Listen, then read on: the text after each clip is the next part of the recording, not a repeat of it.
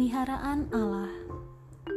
Jika kita mendengar tentang judul ini, mungkin sangat familiar bagi kita dengan sebuah ayat di Matius 6 ayatnya yang ke-26. Pandanglah burung-burung di langit yang tidak menabur dan tidak menuai dan tidak mengumpulkan bekal di dalam lumbung namun diberi makan oleh Bapamu yang di sorga.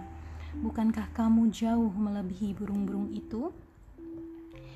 Burung pipit adalah burung yang kecil dan dijual sangat murah namun Tuhan mau menegaskan bahwa burung itu tidak akan jatuh ke bumi tanpa kehendak Tuhan. Hal ini mau menegaskan pemeliharaan dan perlindungan Allah atas apa yang dianggap kecil dan tidak bernilai. Kita lebih daripada burung itu, sehingga Anak Allah rela mati bagi kita, dan Dia pasti memelihara kita. Di dalam kehidupan kita, ada banyak kekhawatiran yang mungkin melingkupi kehidupan kita rasa cemas, rasa takut, rasa khawatir yang tidak berkesudahan.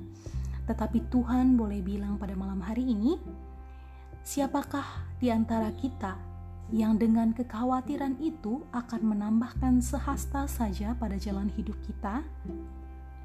Burung pipit dan bunga bakung saja dipeliharanya, apalagi kita. Kita boleh takut, kita boleh khawatir, kita boleh cemas akan apa pun juga, tetapi jangan pernah kehilangan iman kita. Tuhan mau bilang bahwa carilah dahulu kerajaan Allah dan kebenarannya, maka semuanya akan ditambahkan kepadamu.